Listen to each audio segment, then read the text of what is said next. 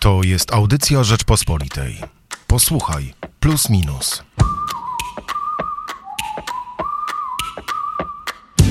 W najnowszym wydaniu magazynu Plus Minus przyjrzeliśmy się Europie, a tak naprawdę Europie widzianej oczami Jerzego Giedroycia. Nie przez przypadek, bo w poniedziałek 14 września wypada 20. rocznica śmierci redaktora z Paryża. Michał Płociński i Hubert Salik.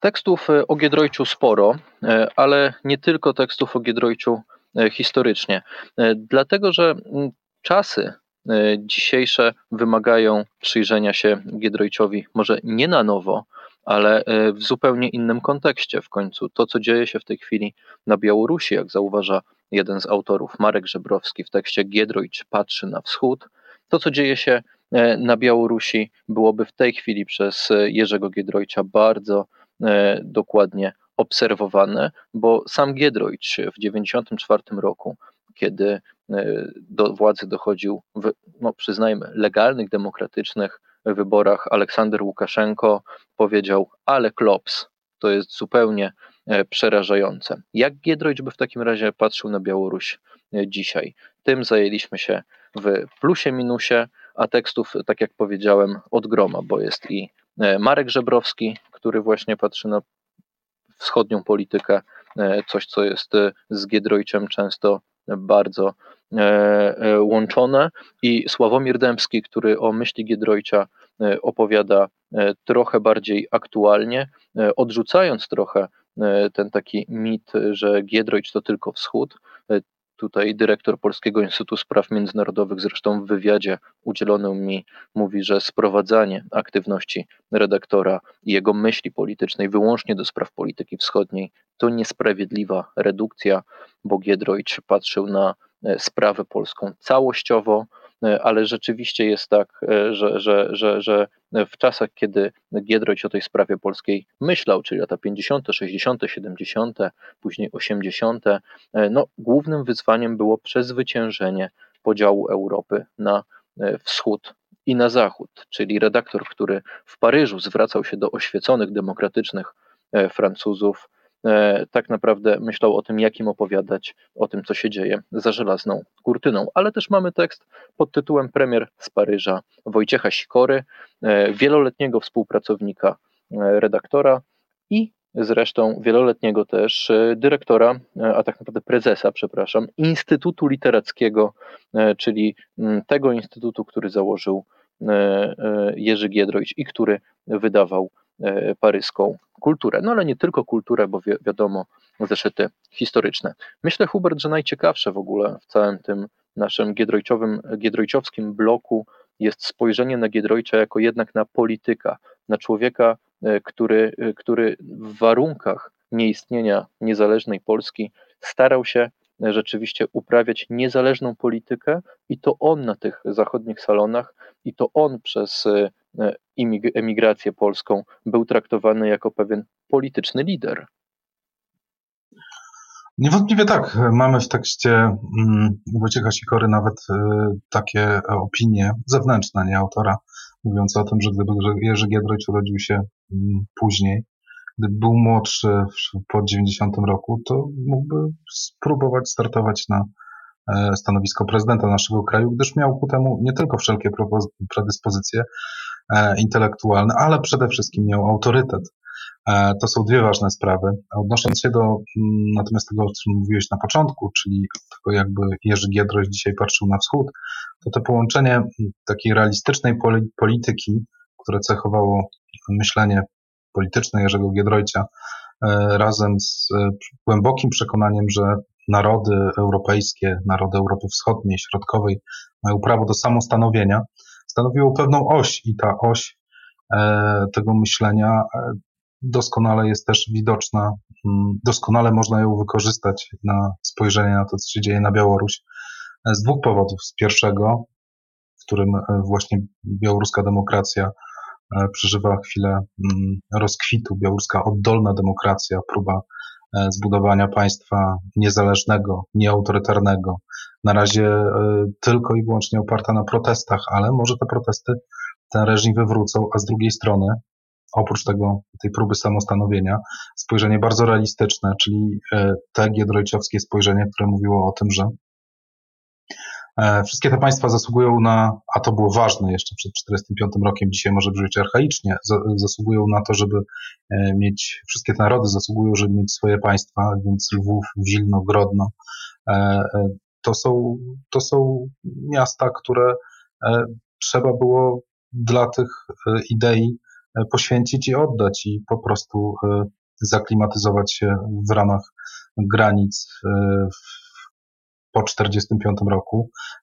Między innymi, tutaj element realizmu politycznego, po to, żeby zbudować sobie jakiś bufor między, między Polską i Rosją, E, tak, żeby Rosja, wtedy Związek Socjalistycznych Republik Radzieckich, nie była po prostu bezpośrednio naszym sąsiadem, co oddala od nas zagrożenie. To jest realizm, może brzmieć jak cynizm, ale z drugiej strony jest też pewien romantyzm, któremu e, Jerzy Giedroyć tak naprawdę się sprzeciwiał, ale jednak, czyli to poczucie, że e, narody muszą mieć prawo do istnienia, samostanowienia i własnego państwa. No właśnie, realizm to jest zresztą to, za co ja zawsze ceniłem Giedroycia i, i e, powiem szczerze, że jak miałem okazję być i to, i to nie, nie, nie samemu, tylko w większej grupie e, Polaków, zresztą takiej powiedzmy e, w grupie dyplomatycznej w Mazon Lafitte, gdzie zostaliśmy wspaniale przywitani, oprowadzeni, gdzie miałem okazję stanąć, a, nawet przyznam szczerze, że usiąść za biurkiem Jerzego Giedroycia, no, to było dla mnie bardzo e, wa ważne przeżycie. Tak, przez e, całe studia i e, czytałem Giedroycia i, i, i, starałem się tym Giedroyciem też, e, też myśleć. E, to było już w czasach, kiedy Giedroyć w Polsce e, no, stawał się trochę zapomniany. On niestety po 90 roku był traktowany jako, znaczy jego myśl była traktowana jako trochę przeżytek, jako E, jako archaizm.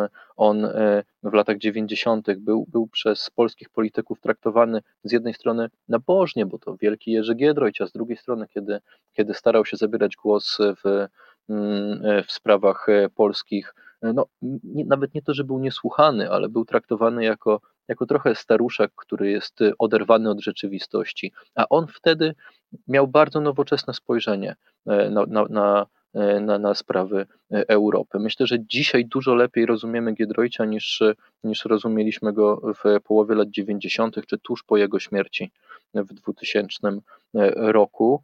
I to bardzo dobrze, że idea Giedroycia się odradza. To nie jest prosta myśl, którą łatwo jest zaszufladkować, dlatego że, tak jak mówi właśnie dr Sławomir Dębski, Giedroyć jest nauczycielem politycznego realizmu. On i e, Juliusz Mieroszewski trochę kontynuowali to, co przed wojną, a potem po I wojnie światowej robił Roman Dmowski, więc e, trudno go wpisać e, w jedną stronę jakichś, jakichś wojenek polsko-polskich. Często Giedroyć jest atakowany z prawicy, często jest atakowany z lewicy, często ludzie prawicy o nim mówią dobrze, często ludzie lewicy. To też pokazuje wagę E, nie tylko jego myśli, ale też samej osoby redaktora, która, którą też ciężko e, szufladkować. Zarzucało mu się e, często, że był człowiekiem trochę stroniącym od ludzi, odludkiem, który nie potrafił wykazać jakiejś empatii czy, czy, czy wrażliwości na los ludzi, co też zresztą obalamy w najnowszym magazynie Plus Minus, bo Wojciech Sikora jak najbardziej przy, podaje przykłady, kiedy Giedroyć się osobiście angażował w e, sytuację e, ciężką polskich e, emigrantów.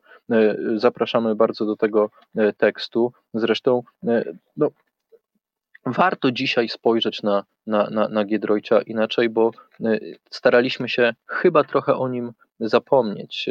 Zawsze mówiliśmy o, o tym, że wielkim Polakiem był, a, a przez ostatnie no, 30 lat tak naprawdę zostawiliśmy go e, samego sobie i nie wracaliśmy do jego myśli. To jest dobry moment, żeby, żeby to zmienić. 20. rocznica śmierci, więc cieszę się, że nawet na okładce doceniliśmy osobę Giedroycia, a z drugiej strony, kto ma Giedroycia doceniać jak nie Rzeczpospolita, to my w końcu przyznajemy Nagrodę Rzeczpospolitej imienia Jerzego Giedroycia. Wydaje mi się, że są co najmniej trzy powody tego, że w latach 90. Giedroyć znalazł się trochę na uboczu, trochę był lekceważony, a trochę zapomniany. E, pierwszy i chyba podstawowy jest taki, że te główne cele myśli politycznej Jerzego Giedroycia mm, zostały e, zrealizowane.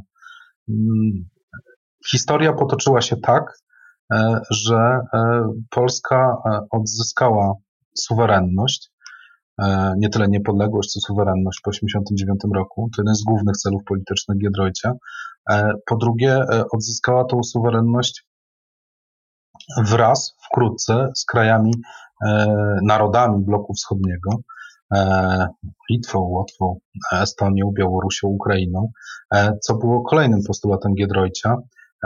I w pewnym momencie można było dojść do wniosku, że ta myśl nie tyle jest archaiczna, ale że trzeba wykonać kolejne kroki do przodu. To jest pierwszy, pierwsza rzecz, dla której wydaje mi się, że, że, ten, że jego postać zaczęła trochę tracić na znaczeniu, bo ten czas historyczny, w którym E, w którym on żył, działał e, i starał się zrealizować pewne postulaty, został w ten sposób symbolicznie domknięty.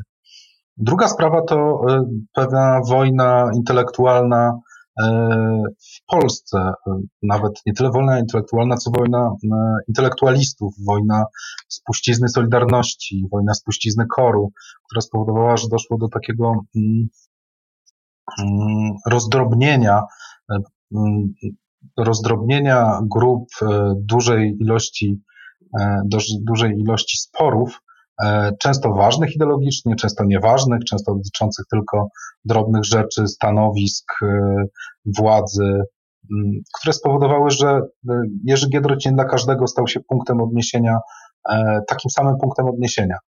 E, dla, szukano też jakichś nowych punktów odniesienia. To jest drugi powód. A trzeci powód to jest ten powód, który podaję z Tobą, w rozmowie z Tobą, Sławomir Dębski, e, czyli to, że Amerykanie, którym bardzo zależało w końcu jako mm, mm, stronie zimnej wojny na tym, żeby żelazna kurtyna wreszcie opadła, e, jednak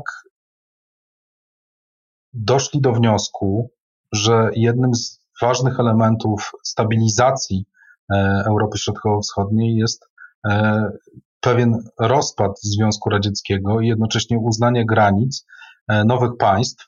I w tej sytuacji Polska już nie za bardzo może się odwoływać do, mm, do przeszłości, do, do granic czasów traktatu ryskiego, że ten kurzon został na zawsze z nami i już nie ma co do tego wracać.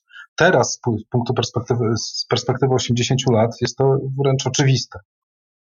No, ale jednak Giedroyć zawsze był aktualny i dzisiaj jest aktualny chyba jak nigdy, e, właśnie przez to, że on uczy tego realizmu. To nie chodzi o konkretne myśli, o konkretne pomysły, o konkretne rozwiązania, tylko o sposób patrzenia na świat. E, na świat takim, jaki on jest, o odrzucenie sentymentów, nie kierowanie się emocjami w polityce. Nie przypadkiem zresztą Sławomir Dębski, skoro rozmawiamy o Giedroyciu, mówi, że wspieranie Białorusinów jest w naszym interesie. Nie dlatego, że to jest dobre obiektywnie czy złe, tylko myślenie właśnie e, kategoriami e, prawdziwe, prawdziwej e, polityki. Jak realizować interes, żeby wpisywać się w szerszy kontekst i w myśl polityczną, i w kwestie moralne, etyczne, i w pewne mody intelektualne. Nie polityka e, taka e, e, chłodna, realpolitik, oderwana zupełnie od kontekstu, jak proponują szczególnie na prawicy czy na skrajnej prawicy niektórzy, którzy patrzą wyłącznie na geopolitykę, patrzą wyłącznie na zasoby, czy, czy, czy materialne, czy, czy, czy, czy, czy, czy intelektualne, ale ta realpolitik taka, jak, jaką ona powinna być, czyli patrzenie na, na wszystko, na bardzo szeroki e, kontekst. Zresztą są takie nawet e, konkretne postulaty Giedroycia, które, które, do których moglibyśmy wracać, nie tylko ten sposób myślenia. Przecież przypomnijmy, że Giedroyć przez lata walczył o to, żeby Uniwersytet w Białymstoku stał się e, siedzibą białoruskiej katedry, która by nie tylko badała białoruską historię, ale by prężnie zajmowała się e, e, białoruską kulturą, wpływem na nią,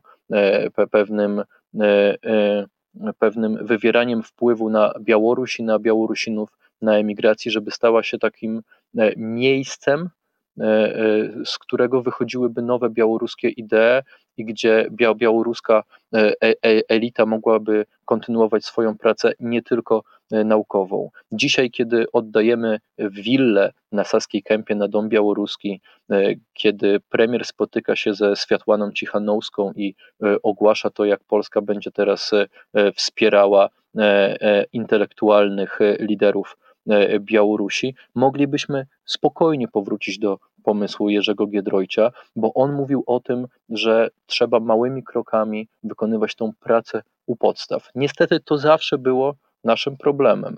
E, często potrafiliśmy uciekać do romantycznych wizji, do wielkich słów, e, często powinni, potrafiliśmy w naszej dyplomacji walczyć do ostatniej kropli krwi o jakieś kwestie, które uważaliśmy, że są w naszym e, interesie. Nie potrafiliśmy wykonywać tej pracy, czyli na przykład e, polskiej e, dyplomacji publicznej czy polityki historycznej, tworzyć u podstaw, budować archiwów, przyznawać stypendia. Czy to nie jest właśnie dobry moment, żeby do Giedroycia powrócić pod tym właśnie E, kątem, do tych propozycji tworzenia instytutów, do tego, co Giedroyć e, w ogóle jest w założeniach samego Instytutu Kultury, żeby najpierw wpływać na kulturę. Jeżeli trudno jest wpływać na coś politycznie, to trzeba kształtować umysły, to trzeba wydawać pisma, to trzeba wspierać ludzi, którzy są w stanie e, napędzić myśl i napędzić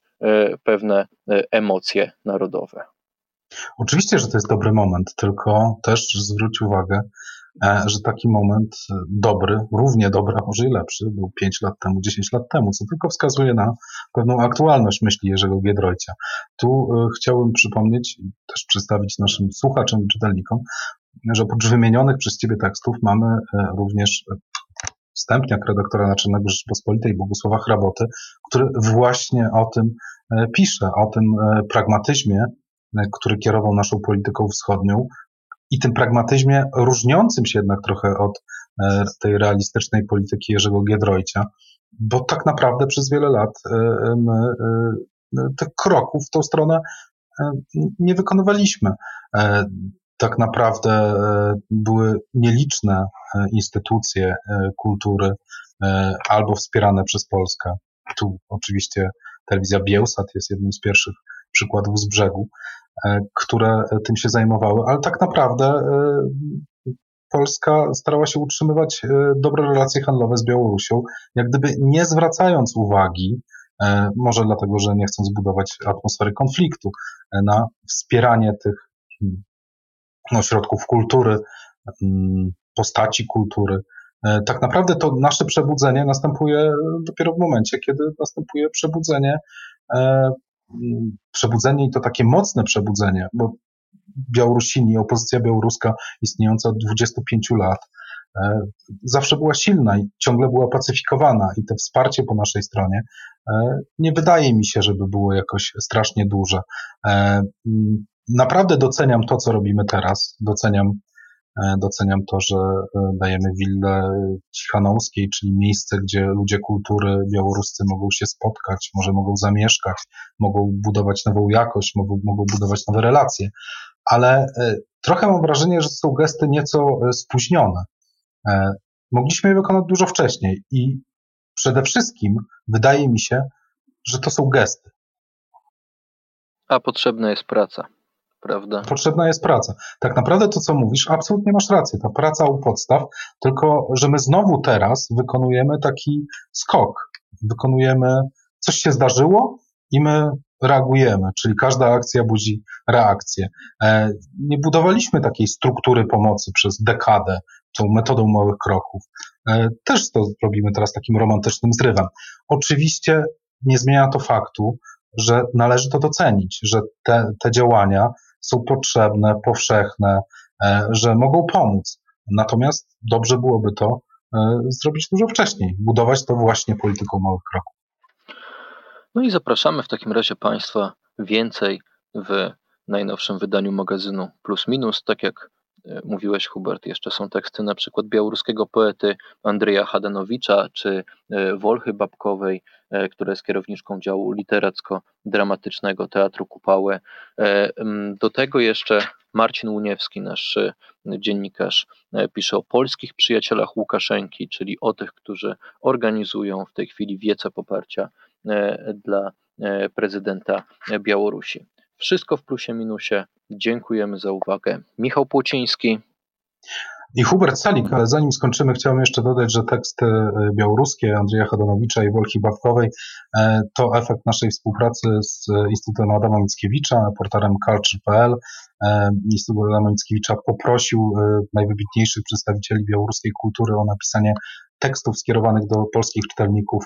Bardzo Państwu polecamy oba te materiały, y, naprawdę świetne teksty, y, pokazujące też y, pewne emocje związane mm, z tym przebudzeniem białoruskiej demokracji. Jeszcze raz zapraszamy do kiosków i zapraszamy na rpp.pl. Hubert Salik. Michał Płociński. To była audycja Rzeczpospolitej. Posłuchaj, plus minus.